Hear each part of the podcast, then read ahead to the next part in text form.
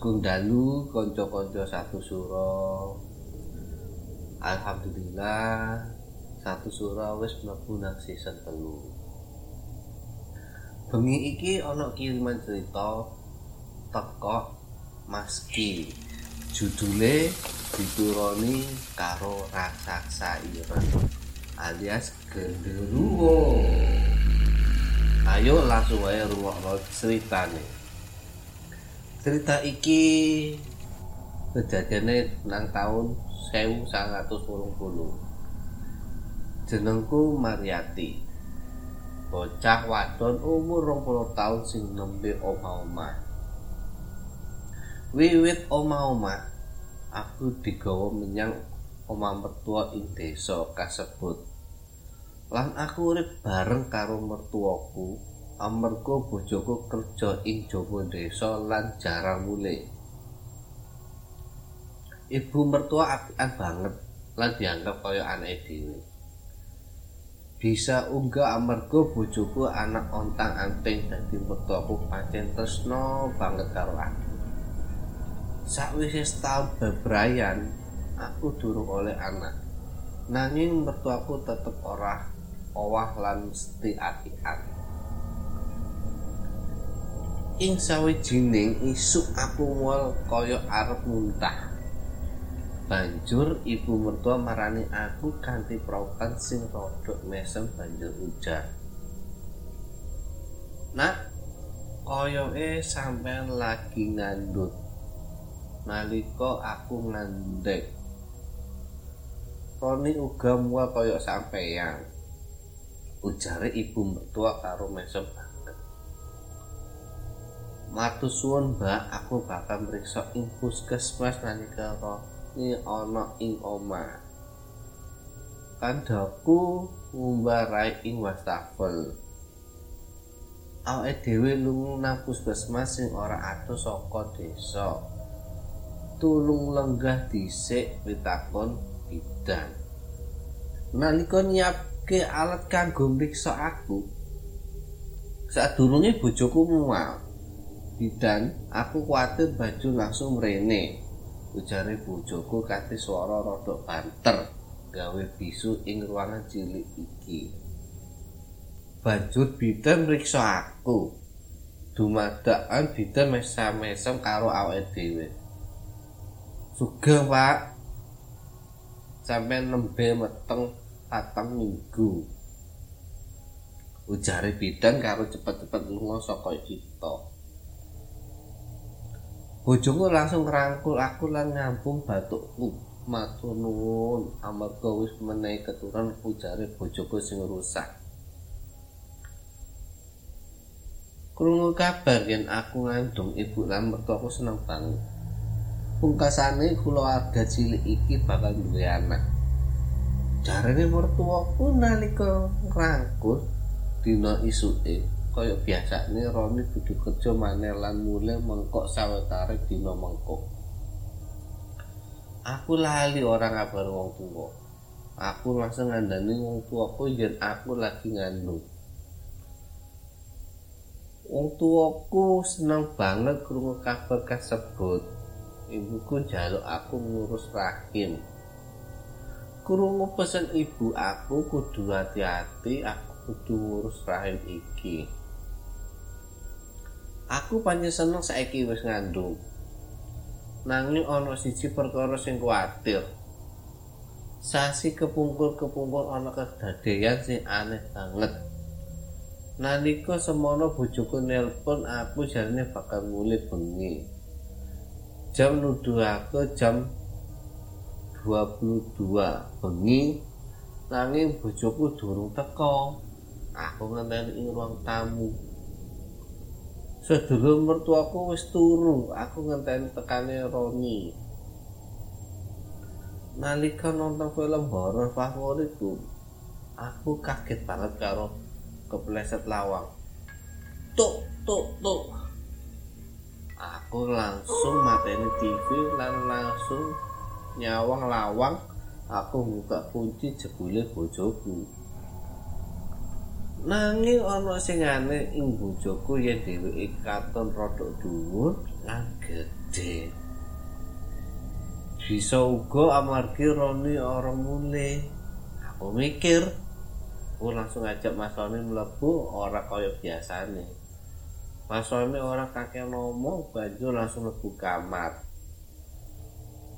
Mbok Mas Roni kesel dheweke ora ngucap salam batinku rada kaget Aku mlebu kamar ujung-ujung Mas Roni rangkul aku lan duwe hubungan seks. Aku kaget banget ngopo Mas Roni banget sarajane suwene rong jam kula nggawe aku kewajiban ngawula ukurane uga luwih gedhe tinimbang sadurunge aku kesel banget lah langsung turu. Nalika aku tangi Mas Roni ora ana nang kasur ana nang endi Mas Roni wah suara gadgetku muni Pranyoto telepon sokong Mas Roni. Aku bengi kaget banget. Aku ngomong karo aku, Mas, pun sewu aku bengi ora mulih amarga gaweane durung rampung. Ing ngendi bengi sampeyan telepon ora dijupuk apalne Mas Roni. Aku kaget kalau mau bengi. mung bisa mangsuli kate mandep ae mas aku kene turu mangsulanku sewu mas mengko ndak nggawa souvenir mengko sore ndak mulai kandangane nalika nutup telepon aku sing kaget banget ngerti sapa bengi sing nate pacaran karo aku udah tahu belum di Surabaya ada kuliner ayam goreng hits yang rasanya endol banget. Kalian lagi mager aja nih di rumah karena khawatir untuk pergi ke mana-mana. Gak masalah, tinggal order aja di nomor WhatsApp 0878 549 25935. Beres deh. So, buruan ya pada nyobain, gak bakal nyesel. Jangan lupa juga ya pantengin di Instagram ayam goreng Karawaci Surabaya. Ayam goreng Karawaci, jagonya ayam. Hmm. Sejatine nganti saiki aku durung nate sita marang wong liya babagan prastawa iki. kalebu bojoku yakin dhewe ora bakal ngandel yen tak kandhani. Rahasia gede iki tetep dadi rahasia dhewe nganti saiki.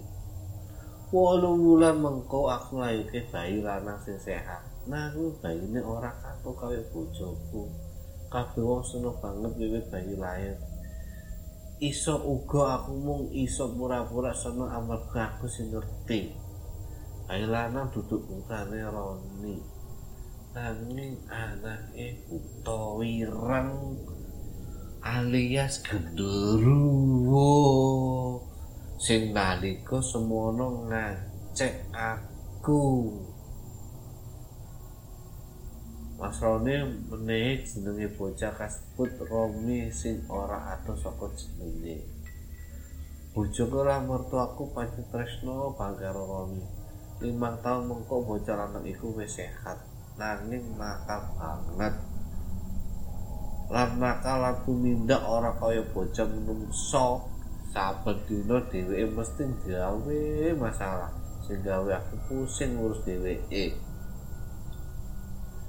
Ing sawijining dina Romi cerita ya dheweke aseng dimainke karo makira gedhe ing wit gedhe ing gurine omahe kita pancen bapakmu rasa saireng ujarku ing jero ati aku medeni Roni supaya dhewe ora main karo makhluk ireng gedhe maneh. Wiwit dina iku Romi ora nate cerita bapake maneh rasa sakireng. Urip kita melakukan normal kaya biasane. Sajane aku isik nilike rahasia gede iki. Kanca-kanca satu suro mau ku ceritane pengalaman teko Mbak Meyati DN tau dituruni karo Gondoruwo Gondoruwo pancen senengane iku membo-membo bojone seneng membo-membo wong sing disenengi lalu dituruni. Atas-atas ibu-ibu apa istri sing ditinggal dhewe nang omah. Kudu akeh maca doa karo salat sing genah sing tenanan ben dilindungi karo Gusti Allah. Kanca-kanca matur suwun sampun ngrungokno cerita satu suro activity. Semoga menghibur karo enten hikmat teko cerita iki mau. Aja lali kanca-kanca kirim ceritae nang satsuroi@gmail.com. Matur sembah. Assalamualaikum warahmatullahi wabarakatuh.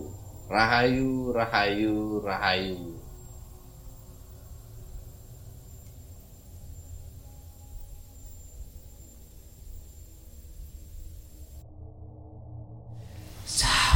falso.